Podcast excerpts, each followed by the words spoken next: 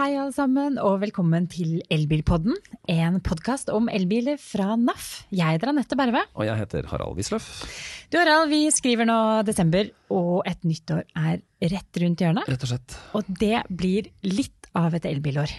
Det ser sånn ut. Det gjør det. Du skjønner, vi er nå eh, Motor, eh, medlemsbladet til eh, NAF, har samlet en liste over modellene de gleder seg til i 2020.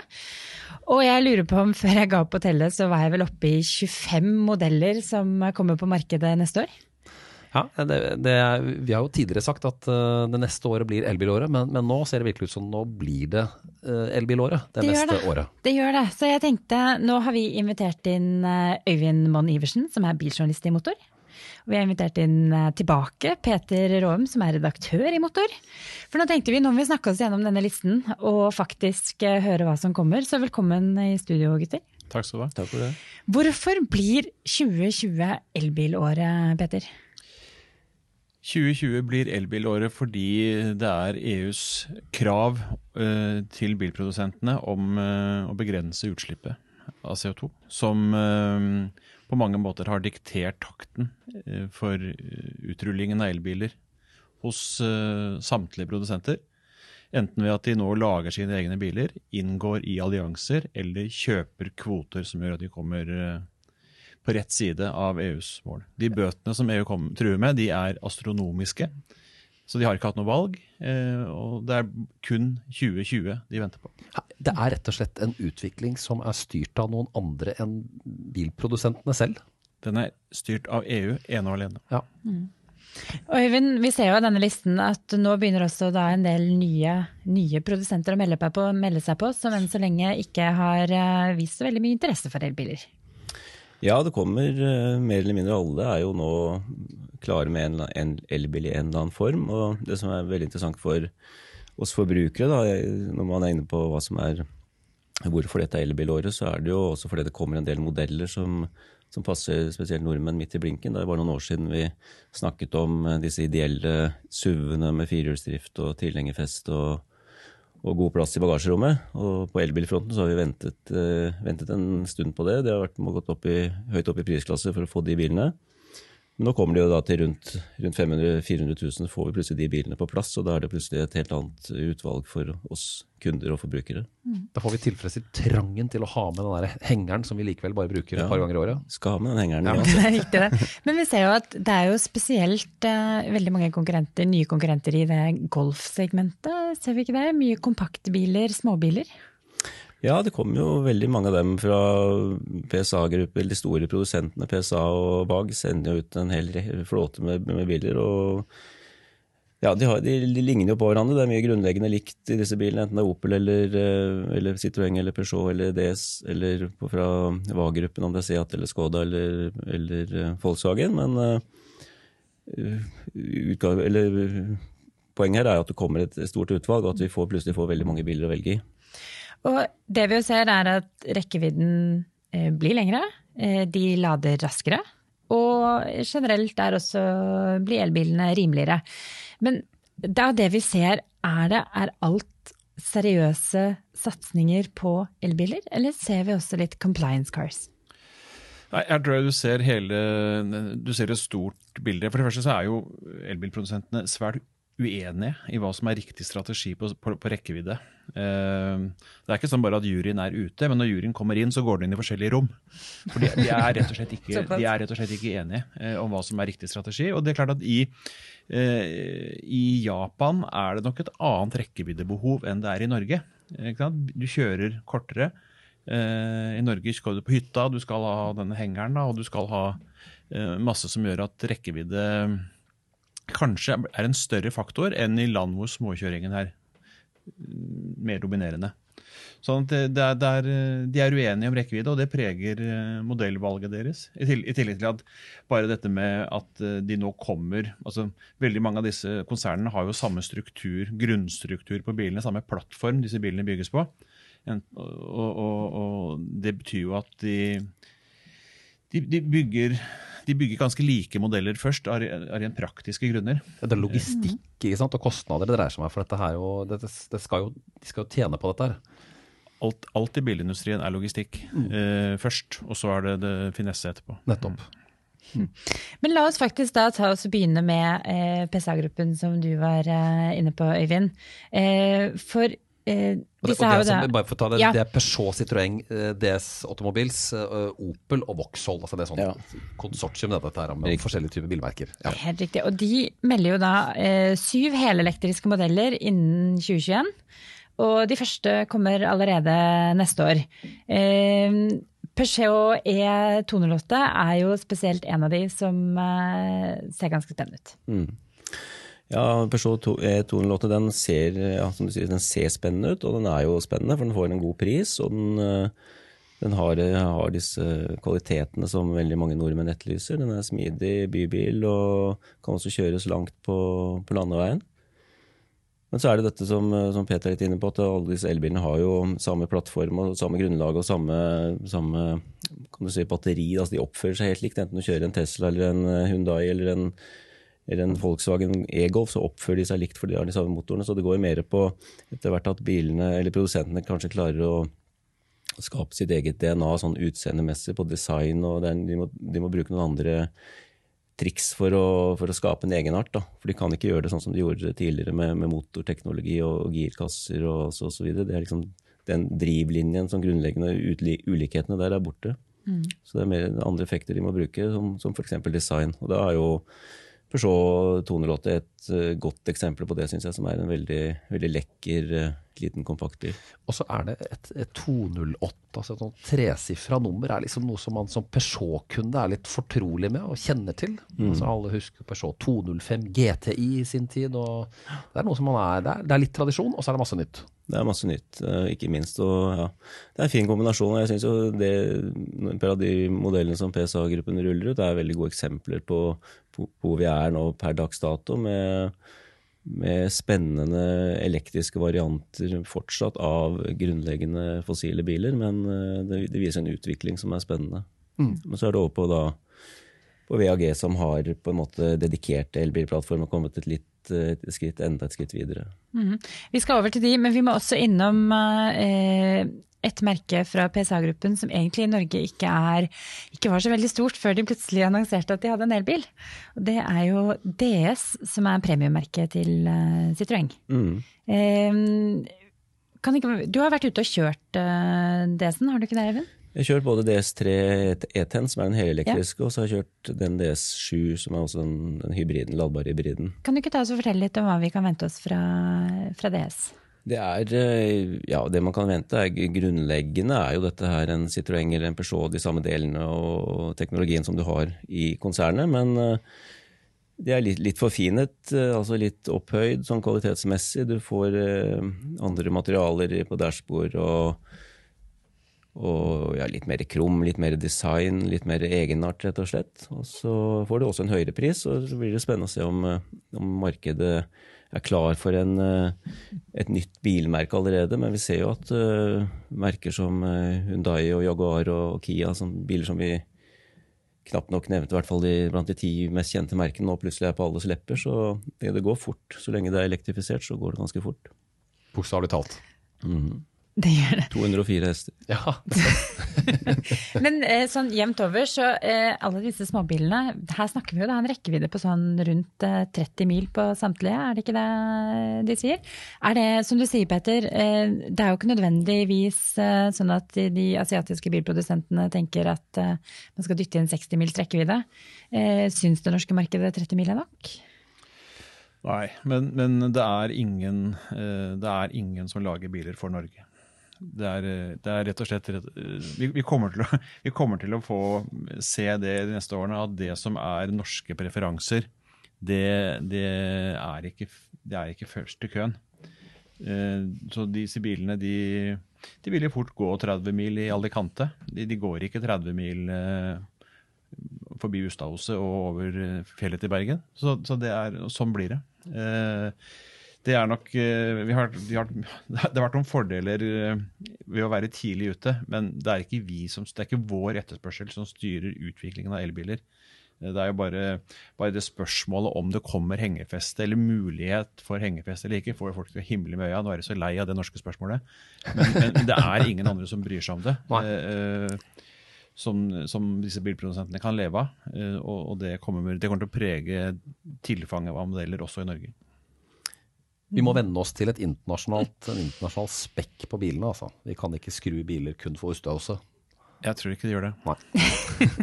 Vi er nok litt sånn eh, Vi er selvfølgelig pionerer og litt sånn prøveklut, men vi er også litt sånn nyttige idioter for, for bilindustrien. For, Ja, nettopp. for det, du, amerikanere og tyskere og sånn vil jo ikke finne seg å, å stå i ladekøer og vente tre kvarter på å komme fram til en lader som kanskje ikke er i orden, pluss at du må inn med apper og for, forskjellige betalingsløsninger og sånn. Så all, den smidigheten som, som du må kunne kreve av en elbil i framtiden, den, den har vi jo fortsatt ikke her i Norge. Og det, ja, tysk, Tyskere og amerikanere kommer nok til å stille helt andre krav enn det vi her i Norge gjør per dags dato. Nå skal det sies at det er jo et eh, Nå er jo eh, den tilbudet av eh, Altså, br- brukervennligheten for, for apper og ladeløsninger i Norge er jo mildt sagt ikke god. Eh, Men ennå er den dårlig også i, i mange andre land. Eh, Så mm, er, er det én god ting som vi kan håpe på kommer med det amerikanske elbilpushet, så er det at det blir mer brukervennlige løsninger på slike ting som, eh, slike ting som lading. De har jo en, en tech-industri i USA som er ekstremt på brukervennlighet. Og det, det, det ville bilindustrien hatt godt av når det kommer til lading og, og infrastruktur. Sånn som superchargerne til Tesla, altså. Tesla er et ypperlig eksempel eh, på, på det. Men, men jeg tenker på andre, det er andre innenfor annen teknologi så har de også brukervennlighet. De, de tenker brukervennlighet eh, veldig mye tidligere i prosessen enn man har gjort med f.eks. ladeinfrastruktur i Norge. Kan du bare håpe at det der blir bedre etter hvert som det kommer eh, enda flere elbiler på, på veiene. Og det skal vi tro Volkswagen-gruppen, så skal det komme ganske mange modeller fra deres eh, hold i eh, 2020. Ja, og de har, nå kommer de plutselig med enda flere Ja, enn det de har sagt tidligere. De gjør det. De, de er jo nå oppe i at de melder 70 helelektriske modeller innen 2030. Før var vel dette her 50, det var vel 50 det varslet før. Og det er jo da fordelt på alle merkene deres. Alt fra Audi, Volkswagen, Skoda til Seat, Porsche og Bentley og Bugatti, sånn folkebilene. Men her er det jo eh, ID-serien som vel kanskje er eh, det mest eh, spennende fra Volkswagen-merket. Og da er det jo ID3 som er den første ut. ID3 er den første ut. Eh, Der kommer det biler hvert halvår. Det er ganske aggressivt. De kommer til å komme med enormt mange kule biler. Så kan man tenke at hvor spennende kan en, en Volkswagen være? Eller en, en Volkswagen-bil være? Eh, og jeg tror at kanskje den ID-serien vil overraske en del fordi det kommer til å faktisk være biler som er litt, eh, er litt morsomme. Eh, ID-bussen, når den kommer på et tidspunkt, kommer til å bli en uh, superhit. Den har vi sittet i, Anette, og hatt uh, sending fra. Det, ja, Det er ikke gitt at det skal komme en, en varevogn som virkelig etterspør, uh, etterspørres i Norge, men den kommer. eh, Og den kommer til å treffes så det suser. Eh, Så kommer du til å få et ID3-salg som eh, er, er en golfarvtaker verdig. ja, for nå er vi dette, dette er milepæl. Nå går Golfen ut av produksjon. Nå er den end of life, E-golfen, ja. e-Golfen. Eh, og og da, er, da, da skal man over på en helt ny bil. Og, og, hvor det er i Norge, er, det så, er det sånn masse e-Golf. Og det er en populær bil. Og nå er liksom på den elektriske siden så er Golfen borte. Ja. En historie fra 1979, 77, 72, 72, er det så tidlig? jeg tror det er så såpass tidlig. ja, 70-tallet. Og nå er det ID3 som gjelder. Det er- det er store sko å fylle, da. Det er store sko å fylle, men den er utrolig, det er utrolig artig å se den bilen, fordi den, den er jo den, en av de første bilene som virkelig bygges som en elbil på en elbils premisser. Det er, eh, det er, eh, det er plass inni der, altså. Og, og det er eh, Den har smart teknologi, den ser fin ut. Det, er, det, kommer til å være en bil som fyller behovet for veldig mange, selv om man tenker på det som en litt liten kompaktbil. Mm. Så den kommer til å treffe ypperlig i Norge. Og den er jo eh, ID3-en, den eh, utgaven av den som kommer rundt eh, sommertidene, det er jo den som har 420 mils rekkevidde ca. Kilometer. Mm. 420 km. Kilometer. Ikke, den går ikke så kort. Nei. Og så, eh, mest sannsynligvis da 2021, så kommer både en mindre og en større batteripakke av den. Men den andre ID-bilen som faktisk også er ventet i 2020, er jo ID4, den som før var kjent som ID Cross. Og det er jo mer en, eh, en SUV, en crossover-SUV, som eh, får firehjulstrekk, blant annet. Den møter jo, leverer, kommer til å levere på et par av disse gamle nøkkelpunktene for det norske markedet. Jeg tror den blir eh, tror den blir veldig veldig spennende, for den kommer jo til å være Du ser på din, de som bygget på den såkalte MEB-plattformen, så kommer elbiler med som har en veldig stor kupé. Eh, og denne er jo Det er ikke noen lang bil sammenlignet med biler i dag, men de, de har et, den har så mye plass inne at, eh, at den kommer til å, å være i en god SUV-følelse for, for mange kjøpere. Den samme som uh, Skodas første eh, litt større bil. Uh, og, og du ser også på, på Ford, uh, den Mustang Back-I, som har en kupé med mye, mye mer plass enn en du skulle tro. Og det er um, ja, så, så det kommer jo da med disse, den nye plattformen, som, som rett og slett er elbiler fra bånn av. Mm. Med, med, med alt det det bringer med seg. Uh, Så jeg tror mange kommer til å, til å bli overrasket over hvor romslige disse bilene er. Ja, for er jo, vi har jo begynt å legge litt merke til det selv. eh, De som leverer elbiler som da, som du sier, er bygget som en elbil fra bånn av, og utnytter det, det potensialet som ligger der. Og sammenlignet med f.eks. da eh, Audi, som jo har eh, Audi E-tron Quattro 55 og 50 som kommer på nyåret, som bare er en mindre batteripakke av av den modellen, de, det, det skal jo først og fremst være en Audi. eh, Og den skal se ut som en eh, klassisk, tradisjonell Audi innvendig.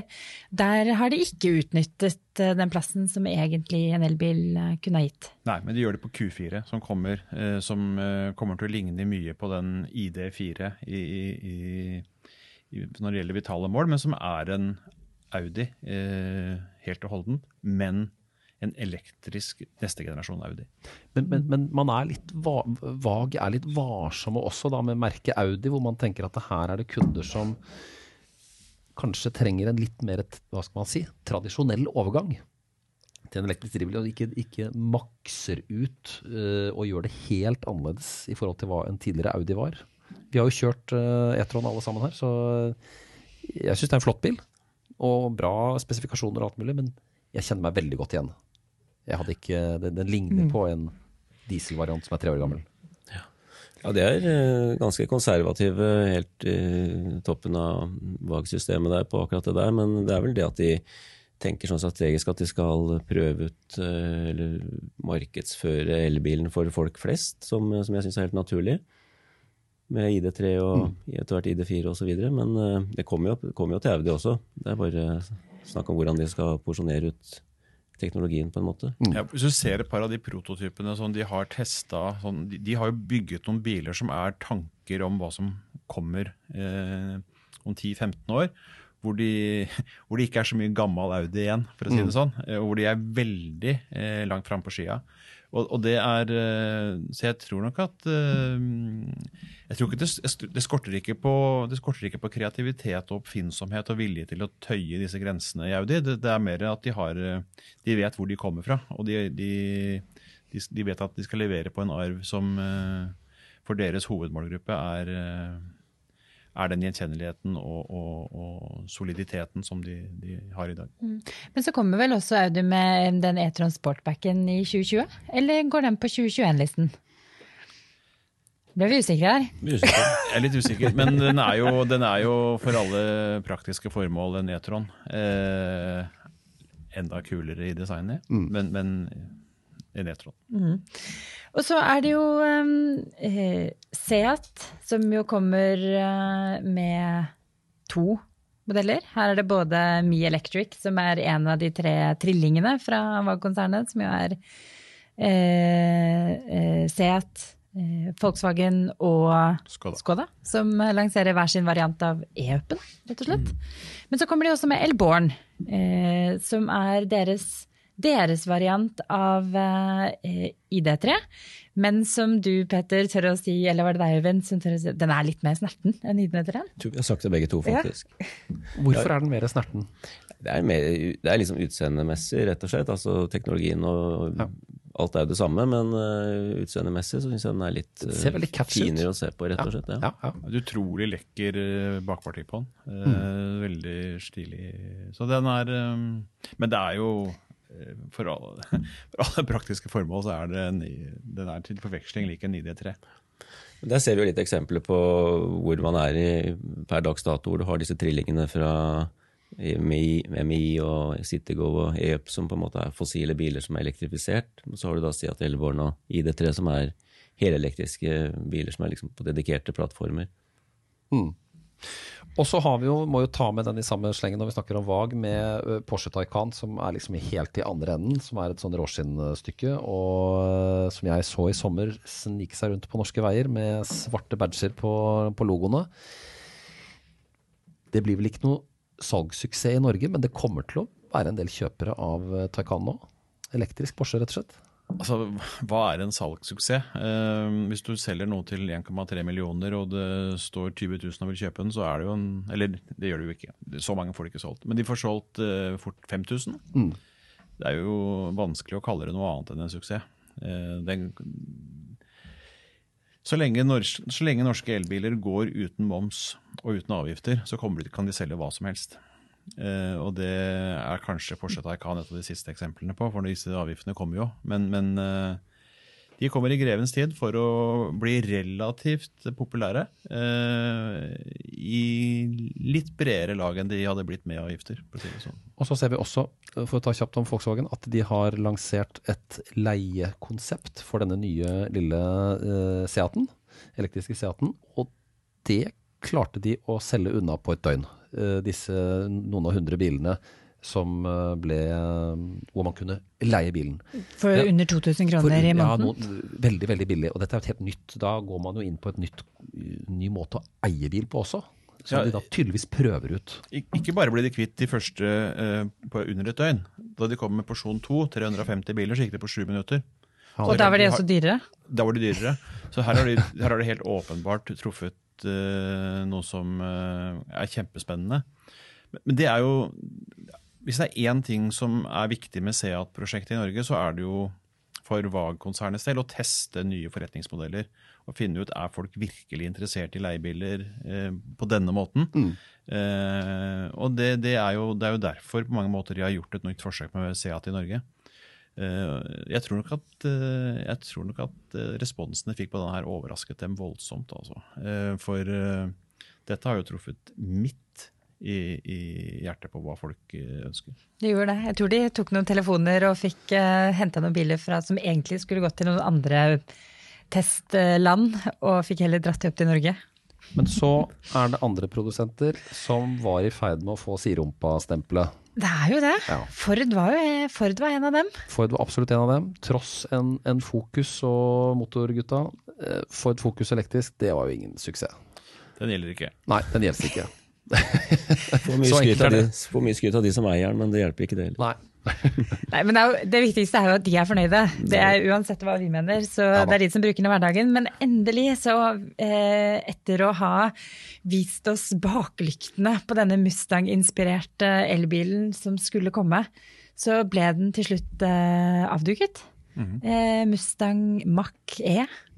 Petter, du uh... Det er en Mustang, Ja. eh, bortsett fra lyden. da. Altså er det, jo, er det jo rett og slett en Mustang. De har klart å ta vare på mye av det designet.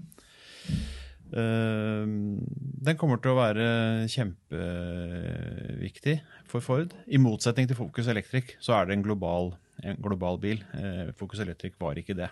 Eh, det, er ikke noe, det var ikke noe galt på den bilen, bortsett fra at den ikke var Det var ikke et helhjerta elektrisk forsøk fra Ford. Uh, Mac-E er i mye større grad uh, hvor tenkt elektrisitet fra bånn. Eh, og de har, uh, de har gjort en del ting som, uh, som viser at de, de, de skjønner hvilket publikum de skal snakke til. Sånn liten finesse som er interessant og som og sier noe om tenkningen deres. De har jo da, Der Tesla har en, har en avlang liggende skjerm, så har de en stående skjerm i, i midtkonsollen. Nettopp. Og, og det er rett og slett fordi de tenker at folk er i Vi, vi, vi, vi tenker ut fra en mobiltelefonvane Ja, eh, vane, Ja. og navigerer i forhold til det. Selv om skjermen er større, så, så er den intuitivt eh, riktigere eh, på, på hvordan vi plasserer blikket, bruker fingrene osv. Så, eh, så de har tenkt, de har tenkt eh, bruk eh, langt fram. Ikke bare lag, skyndte seg å lage noe for å henge med.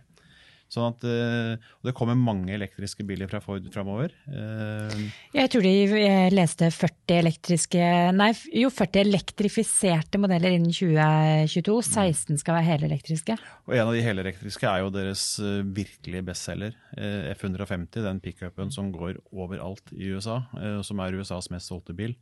Den kommer helelektrisk, og de, de kommer til å rulle ut, uh, rulle ut elbiler uh, de neste årene. Uh, jeg, den Mac-en er, den er fin.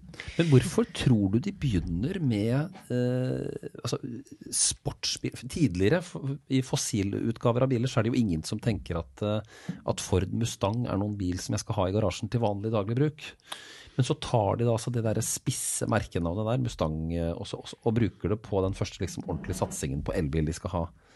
Eh, er det, hvorfor tror du de gjør det? Er det Jeg svarer Ford-sjefene litt ulikt, men, men eh, det er nok Skal du ha et gjennomslag i det amerikanske markedet, hvor, man, hvor elbilkompetansen er lav, eh, i hvert fall i alle andre stater enn California, så må du bruke alle de hjelpemidlene du har. Og Mustang-merket, Mustang-brandet, er sterkt i USA.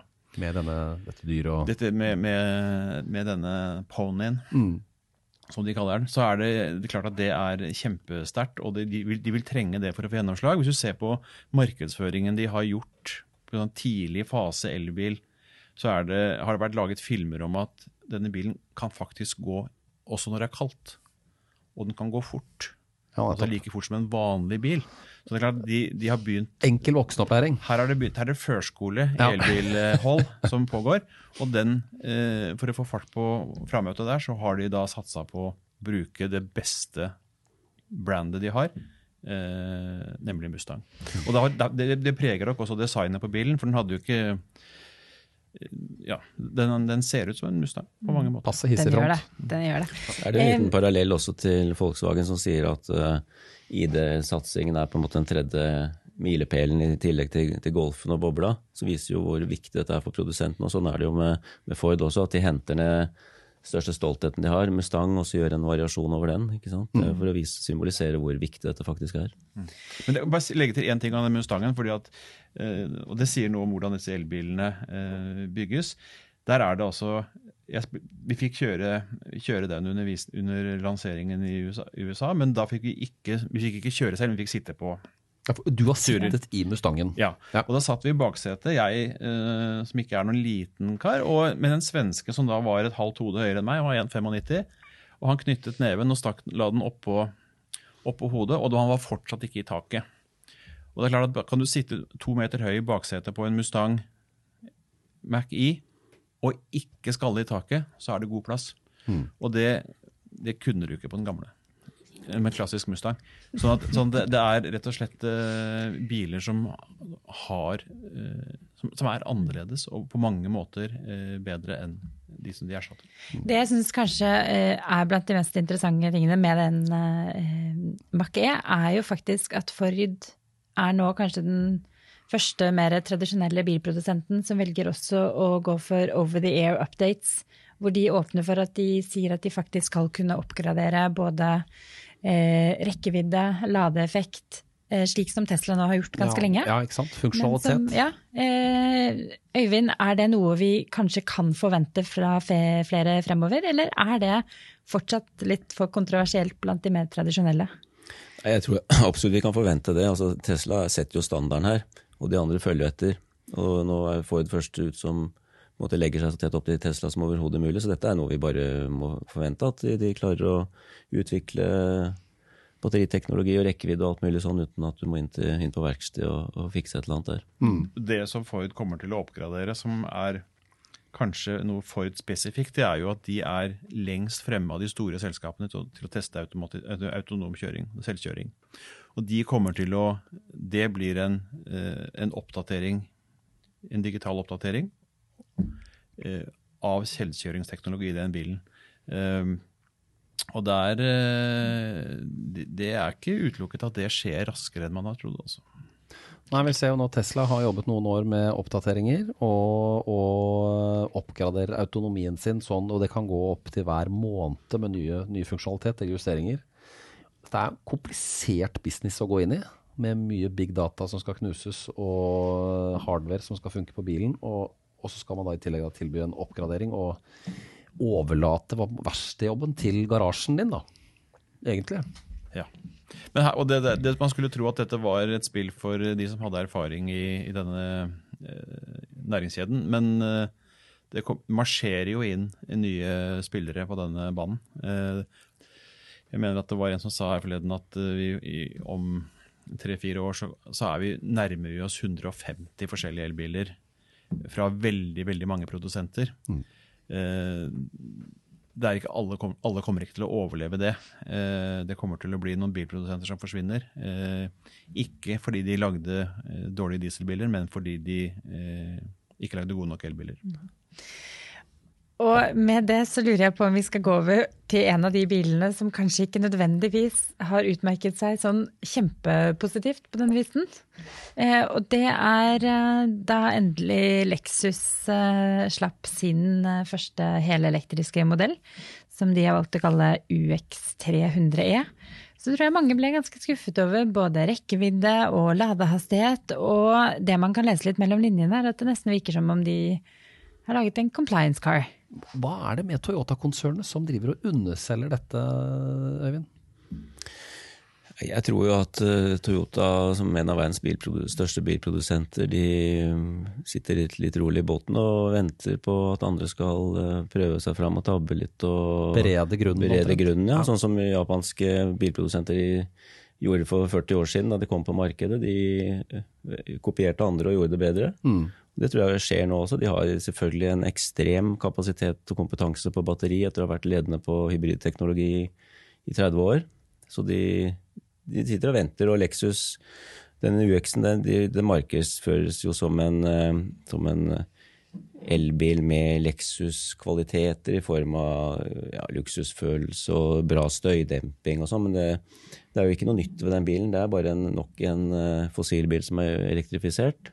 Men det er et eksempel på at de, de, er litt i gang, og Toyota har jo også begynt med en ladbar versjon av RAV4. Så de, så de, de beveger seg framover, men mye saktere enn veldig mange andre. Men kan være helt sikker på at Toyota plutselig så ruller de ut når de mener tiden er inne. Så kommer de med stor tyngde. Det er grunn til å tro at det skjer ting i kulissene her. Helt garantert. Helt garantert, Og så kommer det jeg, jeg vet ikke helt hva Toyota venter på. Jeg vil tippe at kanskje den avgjørende faktoren der er batteriteknologi. Eh, at de venter på en Eh, det er jo store japanske samkjøringsløsninger på batteriteknologi og batteriproduksjon. Eh, hvor, og Toyota er jo majoritets- eller deleier hos nesten alle de store bilprodusentene. Eh, så de setter jo på mange måter takten for hva som skjer i japansk bilindustri. Men i det øyeblikket de har et faststoffbatteri som lager elektriske batteriene til bilene på en, mer, på en rimeligere og, og, måte med større rekkevidde, raskere ladetakt osv., så, videre, så tror jeg de kommer med akkurat så mange biler de trenger for å, den, for å holde den posisjonen sin som verdens nest største bilprodusent. Men luksus Toyota Lexus med 54,3 kWt brutto batteri og en NEDC-rekkevidde på 400 km, og så lade med 50 kW, det er jo stusslige greier i 2020, det må jeg si. Det, det er litt, er litt stusslig, det. Ja. Men så er prisen ganske bra også. Ja. Den kommer jo til å finne sin plass i markedet, den også. Eh, dette her er en veldig lang liste. Jeg tror ja. vi, eh, vi, kommer ikke til å komme gjennom hele, men det er et merke vi må innom. For det er også et nytt merke som, eh, som nordmenn skal bli kjent med, og det er Polestar. Og spesielt nordmenn blir kjent med liksom her. Polstjernen, Mm, Nordpolen. rett og slett. Er Veldig, ja. Og Øyvind, jeg spør deg fordi du har vært ute og kjørt Polestar 1, som er eh, plug-in-hybriden deres, eh, til den nette summa 1,6 millioner kroner. Men eh, litt med da erfaringen du tar med deg derfra, hva er det nordmenn kan vente seg fra Polestar? Det er jo en, eh, hva skal jeg si, en litt sånn raffinert utgave av en Volvo. Det er jo Volvo i, i bunn og grunn. Polestar er jo et tidligere tuningfirma til, til Volvo, som har blitt et eget selvstendig firma, så, eller egen selvstendig produsent. Så alt det de leverer baserer seg på, på Volvo, både interiør og eksteriør, og all teknologi er jo Volvo-basert. Men så har de jo da en eh, litt annen utsalgsform og en litt annen måte å henvende seg til kundene på. De appellerer jo til nye kundegrupper og kanskje litt andre typer kundegrupper enn de som er kjent til å være de lojale Volvo-kundene. Men bilen i bunn og grunn er jo en, ja, det er en Volvo. En litt sånn ja, kul Volvo, vil jeg si. En litt raffinert Volvo. Kul Volvo. ja, vi så den i Genéve i, i år, Anette, og det er jo en veldig stilig bil. Jeg syns er jeg liker den. Jeg liker den altså. Og så eh, kommer Polestar, eh, Polestar 2, da. Hva 78 kWt batteri. Um, det blir den helelektriske varianten. Eh, hva tror vi om den? Jeg tror jo, nå er det sånn Når alt har nyhetsinteresse, så er det veldig spennende alt sammen. Men når det kommer på markedet, så har det jo alltid kommet noen konkurrenter osv. Så, videre, så det jevner seg jo litt ut hvor, mange, hvor, hvor spennende det er. Men eh, per dags dato så er Polestar 2 en av de mest spennende nyhetene som kommer i 2020. Definitivt. Og det, man ser på etterspørselen og reservasjonsantall osv., så, videre, så er det en bil som veldig mange nordmenn har lyst på. Til en bra pris. Til en bra pris. Eh, da nevner du Polestar 2 som en av de mest spennende elbilene som kommer i 2020. Peter, hva, hva mener du er den mest spennende modellen som eh, kommer neste år? Nei, eh, jeg, den mest spennende har vi faktisk nevnt. Men jeg bare vil si det at Tesla, altså modell Y, kommer jo antagelig i 2020. Ja, her, er- det helt ferske nyheter Ja. plutselig. Ja, også, men Tesla har jo ikke bekreftet det. Men, men, men det er all grunn til å tro at den er i, i, i handelen i løpet av 2020. Jeg vet ikke om den er så spennende, fordi at det kommer ikke til å være noen store overraskelser her. Det kommer til å være en enda bedre Tesla. Eh, sånn at eh, de som eh, liker modell 3 får en, eh, et SUV-alternativ som er sikkert kjempebra. Jeg tror på mange måter at den mest spennende bilen er ID4, fordi eh, der kommer, eh, der kommer Volkswagen med en bil som, eh, som scorer på størrelse, hengefeste, firehjulstrekk. Disse Den norske preferansene. Norske altså. Ja. men den kommer til å ha en kjempegod pris. Så jeg tror at den, den bilen eh, er det mange konkurrenter som gruer seg til. For de kommer til å slite med å lage noe som eh, er rimeligere og bedre enn den. Altså, blant konkurrentene så vi kunne ha pratet om Volvo XC40, vi kunne pratet om BMW iX3, eh, elektriske Mini Cooper, vi kunne pratet om Honda E, vi kunne pratet om alle kineserne som kommer. Eh, Jeg tror det får bli en oppfølging eh, i 2020. Det får gjøre det. Og så snakket du, Peter, kort om eh, nye, nye spillere som kommer på, på banen her, og, og blant dem, mens vi snakker om pickuper, Rivian, som, blir, som jo er et spennende prosjekt fra en, fra en helt ny produsent. Riktignok med noen Ford-investorer, men, men likevel en, en ny pickup av dette amerikanske markedet. Og så må vi jo til slutt nevne det helt altså, sykeste nå som vi har opplevd de siste to ukene med lanseringen av den der merkelige eh, Tesla Cybertruck. Og hvor Tesla tydeligvis har et eller annet. eh, Nå skal de ryste markedet med noe nytt helt igjen. Hva tenker du, Øyvind? Jeg tenker vel som folk flest at dette så helt grusomt ut uh, første øyekast, og så begynner man å reflektere litt rundt det og bli vant til dette uttrykket, og så syns man til slutt at dette er kjempegøy. Peter? Jeg syns ikke den ser all verden ut, men jeg har respekt for eh, amerikanere når det kommer til å lage pickuper. Det kan de.